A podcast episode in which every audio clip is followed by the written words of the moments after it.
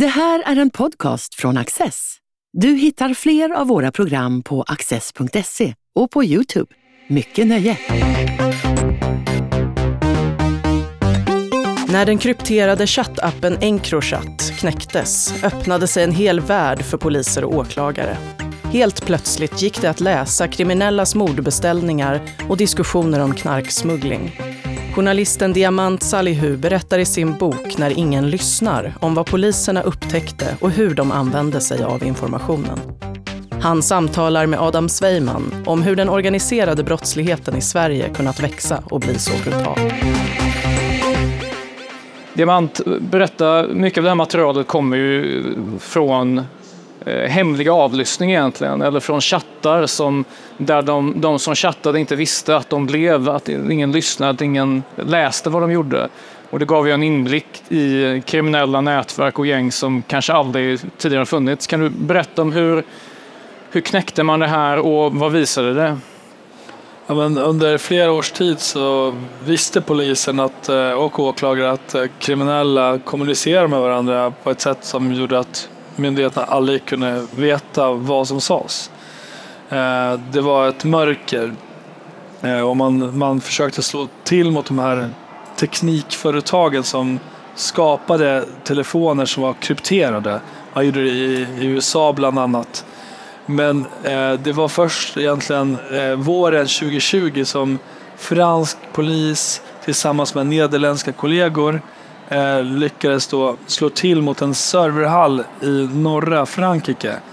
Där Encrochat då, som var ett företag som tillverkar telefoner med en superkryptering och som hade fått stort fäste bland eh, kriminella. Men då kom man åt själva servern istället, så all kommunikation mellan telefoner passerade den här servern. Så i 73 dagar hade man koll på vad som skrevs fram och tillbaka, vilka bilder som skickades. Eh, och det var egentligen några få länder. Det var Storbritannien, det var Frankrike, det var Spanien, det Nederländerna och till och med Norge som var inblandade. Men när man såg vad som sades, och vilka brottsplaner som diskuterades, så såg man att ett land som Sverige stack ut. För det var så mycket våldsbrottslighet. Man planerade mord, sprängningar och liknande. Så det gjorde att de också tvingades koppla in eh, Sverige i det här, svensk polis. Och de som ledde det här arbetet var då Europol i Haag, där olika polismyndigheter och experter därifrån sitter samlade.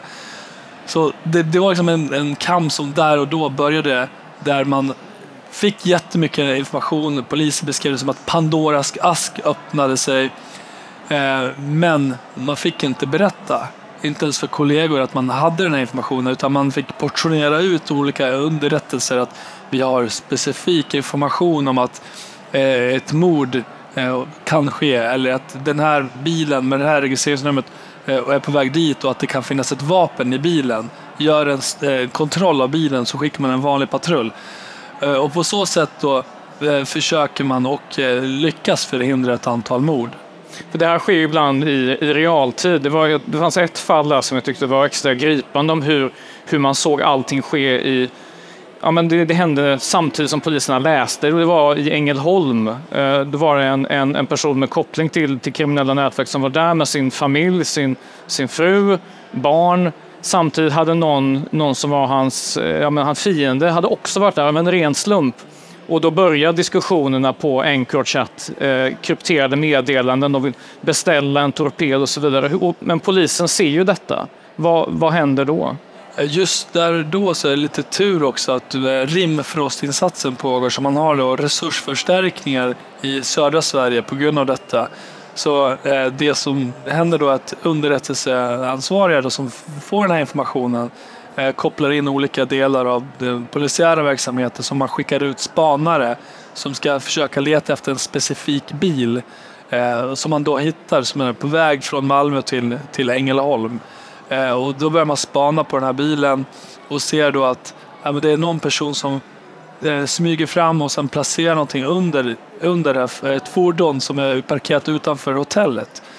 Och eh, sen kör man därifrån. Eh, då kör spanarna fram kollar med någon sorts telefon eller liknande så här, vad som döljer sig under och ser att det är en GPS-puck. Eh, man placerar alltså GPSer på fordon på ett, det är ganska eh, vanligt bland kriminella. För att de vill kunna lokalisera sina måltavlor. Det kanske inte är bästa tillfället att skjuta ihjäl någon utanför ett hotell med massa vittnen som man väntar tills den är mer placerad någon annanstans vid rätt tidpunkt där man då står och väntar. Eh, polisen plockar bort GPSen, och placerar den på en plats där man har kontroll och hoppas att de ska dyka upp så att man kan gripa dem. Samtidigt som man skickar spanare in på hotellet, identifierar vem som är den tänkta måltavlan. Det är en känd person för polisen. Han är där med sina fyra barn och sin fru. Eh, och man går fram då till honom och säger att eh, du, vi, vi tror att eh, du kan sava i livsfara, bla bla bla. Vi kan erbjuda så att du och din familj får skydd och ta er härifrån. Och för en gångs skull så är det faktiskt någon som säger ja, okej. Okay. För det här händer inte annars, alltså de brukar aldrig samarbeta med polisen. Nej, alltså det är så många fall som jag, som jag beskriver och jag, jag vill gå in på en, ett, ett antal av dem där polisen har den informationen att det är fara för liv och går fram till den kriminelle och säger det och får svaret jag är ingen golbög, jag vill inte veta, nej, jag vet att jag har hotbild, jag vill inte ha er hjälp. Så, så är det, men i det här fallet troligtvis för att han har hela familjen med sig, så, så tackar han ja till det. Men det är också så att när, när de här fienderna till honom håller på att kommunicera, det är inte som att man har en färdig, liksom ett färdigt stall med, med torpeder som sitter standby, utan man är tvungen att leta och hålla på. Alltså det, och, ja, hur går det till? Kan du berätta lite om ja, det? Men det som händer då är att det finns liksom torpeder redo runt om i Sverige. Det finns mordpatruller som är liksom i princip du går ut och erbjuder ett uppdrag och sen plockas det ihop personer från olika delar av landet som är villiga att göra det mot betalning. Så det är det som sker. Så flera personer i olika grupperingar blandar sig in, ska förmedla någon form, alltså nästan som en mäklare som ska hitta någon som kan utföra uppdraget. Eh, så det är det som händer liksom i, och det ser polisen när det bara poppar upp och det är flera olika personer som börjar diskutera det här parallellt. Eh, så det är ju det är liksom för den här familjen som är där och, och tror att de får vila ut och vara tillsammans eh, helt ovetande som att samtidigt så planeras liksom ett dåd mot dem. Och det tas ingen hänsyn till att han är där med fru och barn? Absolut inte. Och det är det som också var någonting som jag själv under arbetets gång fick liksom landa i lite. Bara, vänta nu. Eh, de här killarna bryr sig inte att om, om de ska skjuta den här mannen så har han ju barn och fru med sig som mycket, så här, stor risk att någon kan skadas eller dö. Det diskuteras aldrig från den stora massan. Det är en enda person som egentligen eh, manar till viss försiktighet. Och det är en person som själv då har fått sin sambo ihjälskjuten eh, i, tidigare i Malmö. Då enligt polisen så kopplas det aliaset till honom då. Eh, där hans fru, man var ute efter honom med hans fru som läkare bär upp ett spädbarn och så går skyttarna fram och skjuter ihjäl henne istället. Så det, han är den enda som uttrycker viss försiktighet men andra eh, struntar i det fullständigt. Och sen verkar det vara så här att eh, på de här chattarna så verkar det som att en del mord kostar pengar och en del mord kan vissa tänka sig att begå gratis för att status, eller vad, vad beror det på? Eh, ja, status skulle jag säga är en sån eh, given förklaring som oftast eh, märks tycker jag. Det finns ju ett exempel, jag, berättade om en 16-åring då som kopplas till en gruppering i Järvaområdet som skickas ut på ett uppdrag. Han vet inte ens vem den här måltavlan är så han får någon bild visad till sig och ska stå vid en busshållplats och, skjuta ihjäl den här mannen. Han vet inte bakgrunden till konflikten, han har bara fått ett uppdrag, han har lyckats lämna ett HVB, han har rymt därifrån och, eh, och skjuter, tror jag, nio skott och de flesta träffar den här mannen som lyckas överleva.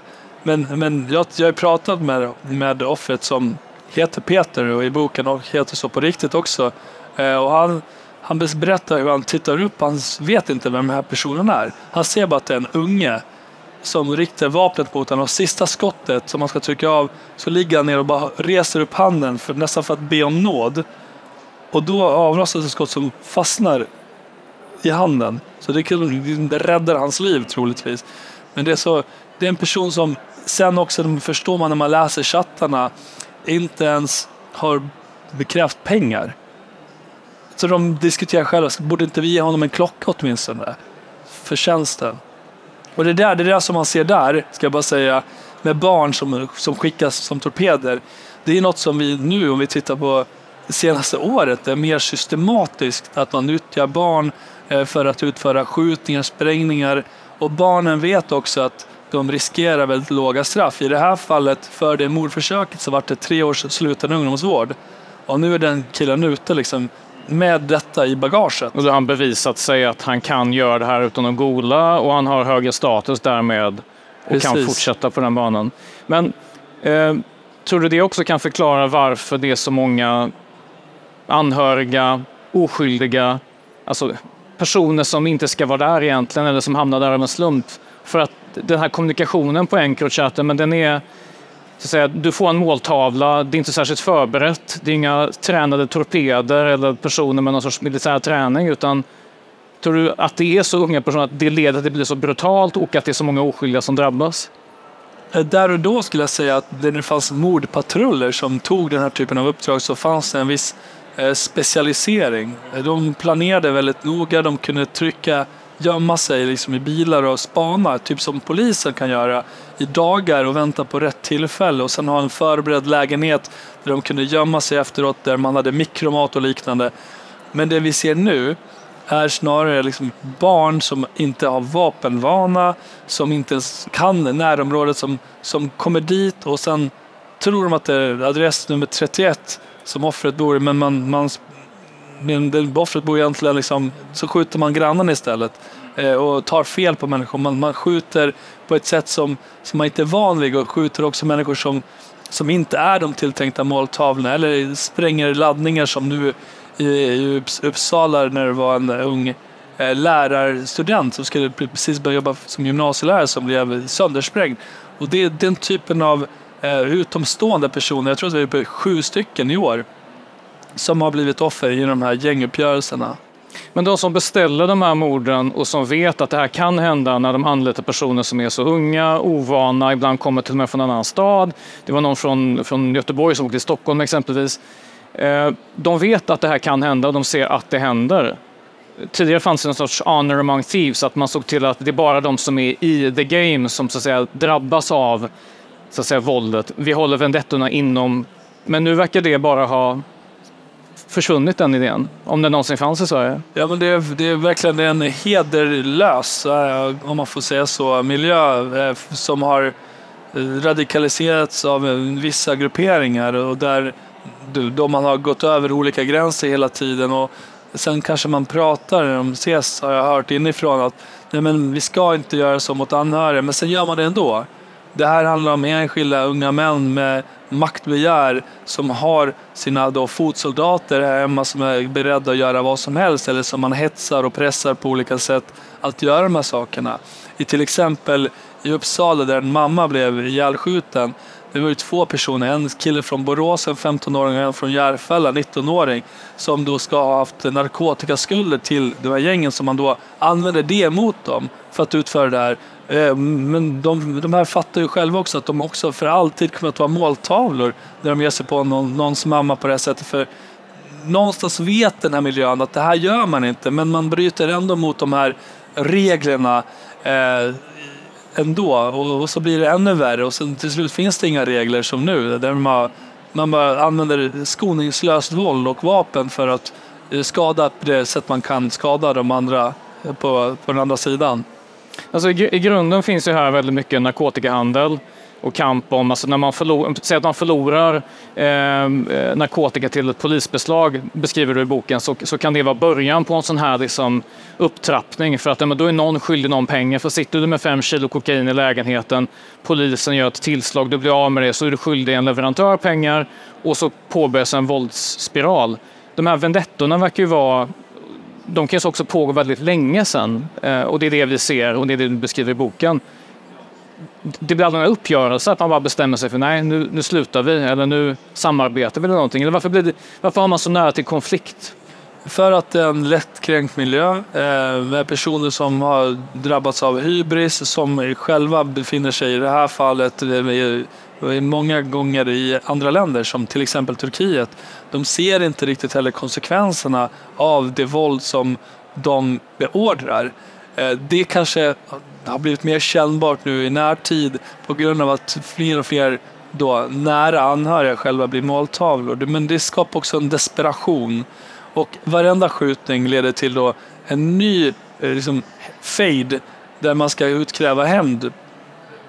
det blir som en ond cirkel som inte kan ta slut.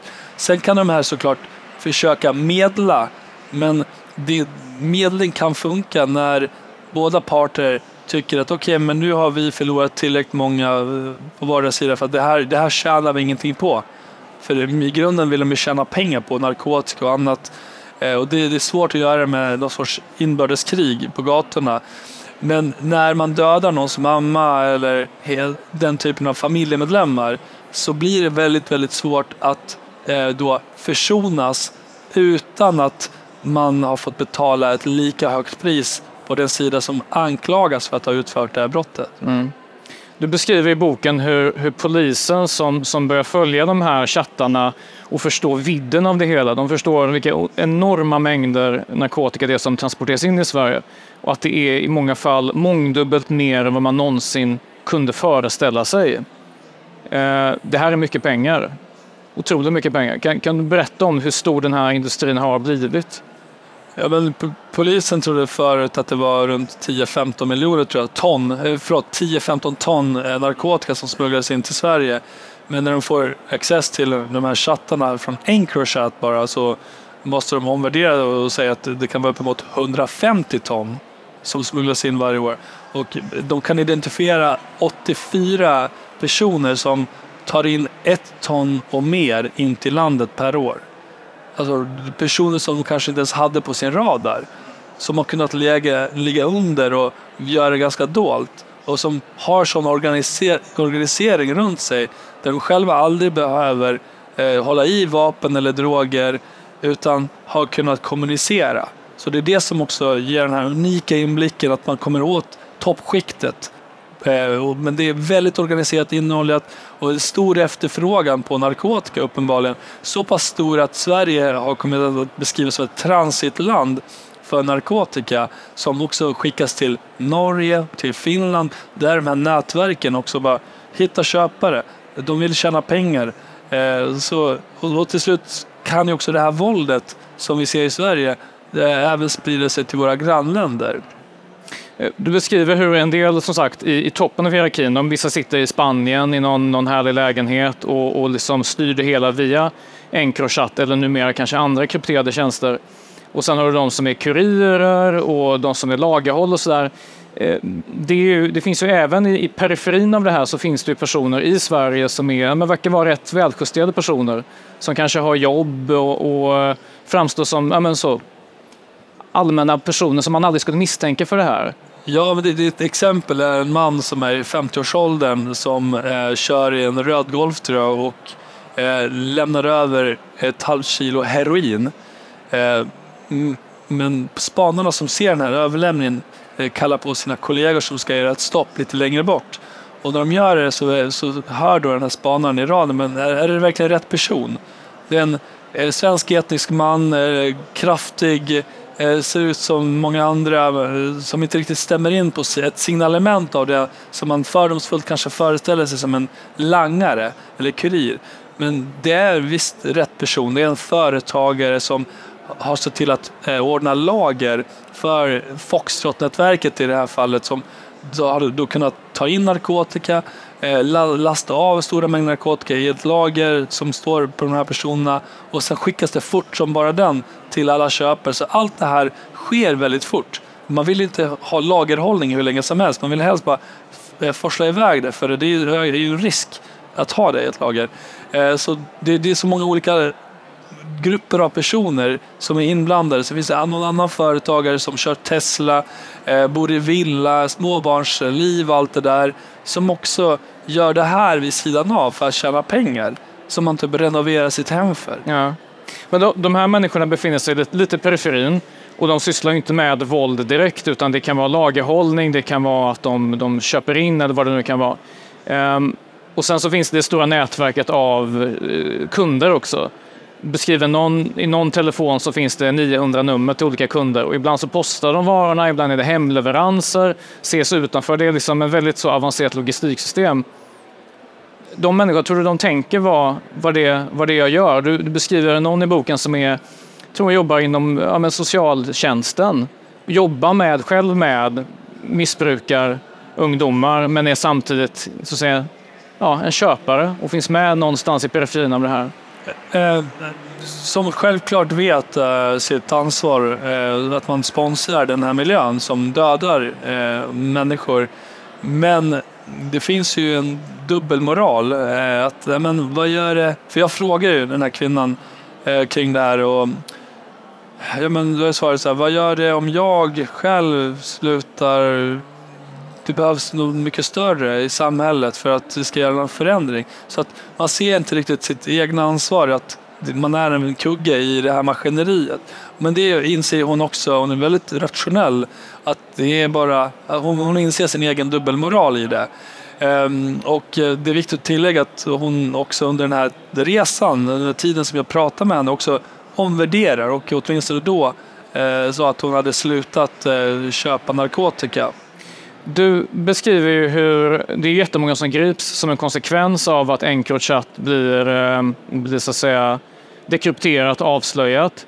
Sen kommer ett annat system som heter Anom som i själva verket är FBI har utvecklat och så att säga spridit som en honungsfälla. Men trots att man får den här inblicken, trots att man ser allt det här, man delar informationen i Europa, så det verkar inte försvinna.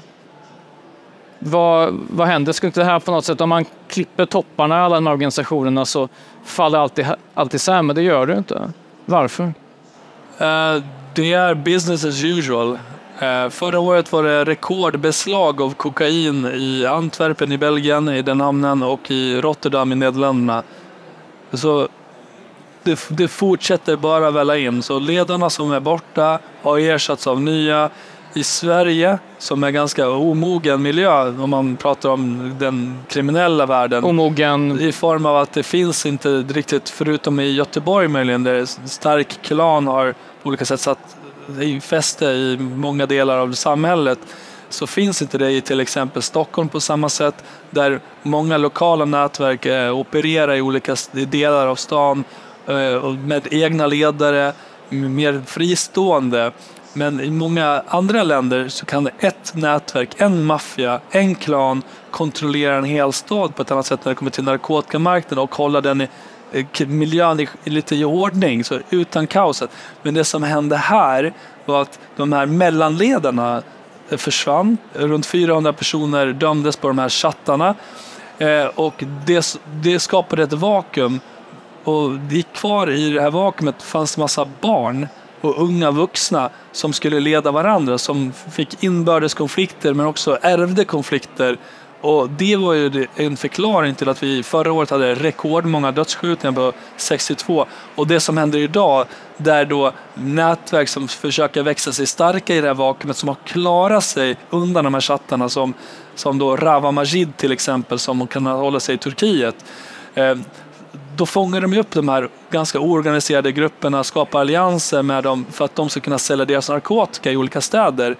Eh, så man försöker organisera, men det, det, kan så lätt falla ihop för det är också så otroligt illojal miljö. Det är inte som en klan, släktbaserad, eller som en maffia som också kan vara släktbaserad, utan väldigt lösa förbindelser och sen blir det maktkamper och sen blir det kaos och sen bara fortsätter och fortsätter. Så paradoxalt nog så kan bra polisarbete kan i stort sett leda till att det som finns kvar ute på gatan är de yngsta, de som har liksom ingen impulskontroll och som inte styrs upp av någon. Exakt, och vilket är synd för många av de här poliserna som kämpade för att rädda liv, för att för, alltså, satt vakna mitt i natten eh, av, av oro för att det skulle hända någonting att någon skulle dö när de hade koll på de här chattarna så blev det istället ett kaos. Eh, och varför blev det ett kaos? Eh, det kanske säger någonting om eh, vårt samhälle i stort, att vi är inte riktigt redo för att hantera den här nyrekryteringen, att det finns så många, framförallt pojkar men också många unga flickor och kvinnor som är involverade i den här miljön. Att vi inte kan fånga upp dem.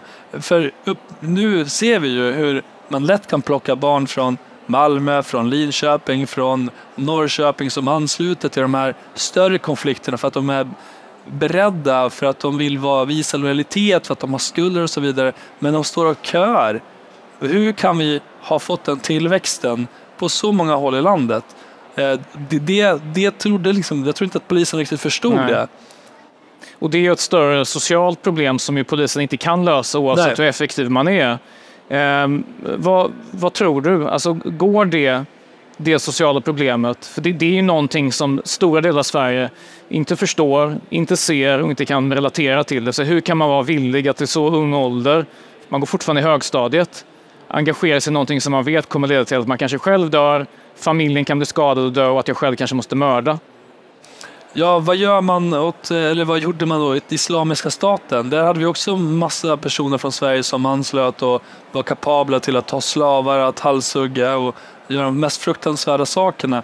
Eh, alltså, någonstans har vi det samma typ av miljö som har fått radikaliseras, att vi har någon gangsterkultur som har fått frodas. Det är verkligheten idag, men jag är helt övertygad om att det går att göra någonting dels lagföring eftersom det är väldigt eh, låg uppklarning av den här typen av brott. Dödsskjutningar, 20-25 procent klaras upp. Men också att man ser till att de här unga personerna som hela tiden vill söka sig till den här miljön, att man faktiskt kan upptäcka dem mycket, mycket tidigare. Hur ser det då? Eh, det kommer, alltså nu kommer ett projekt starta i, i Göteborg, i Linköping, i Södertälje eh, där man har kopierat ett projekt från Tyskland där man ska försöka identifiera barn som är så unga som åtta år utifrån olika riskfaktorer, orosanmälningar, polisanmälningar och sätta in resurser tidigt inte bara för barnet men också kanske titta, finns det fler syskon i, som har ett riskbeteende eh, som kan förklara att det här barnet söker sig till den karriären. Finns det föräldrar som har psykisk ohälsa, som är utan arbete, där man tillsammans med näringslivet också vill försöka egentligen ha en paketlösning för hela familjen för att tidigt, tidigt, tidigt, tidigt se till att de här fångas upp som kan bli potentiella mördare. Diamant, tack så mycket för det här samtalet. Tack.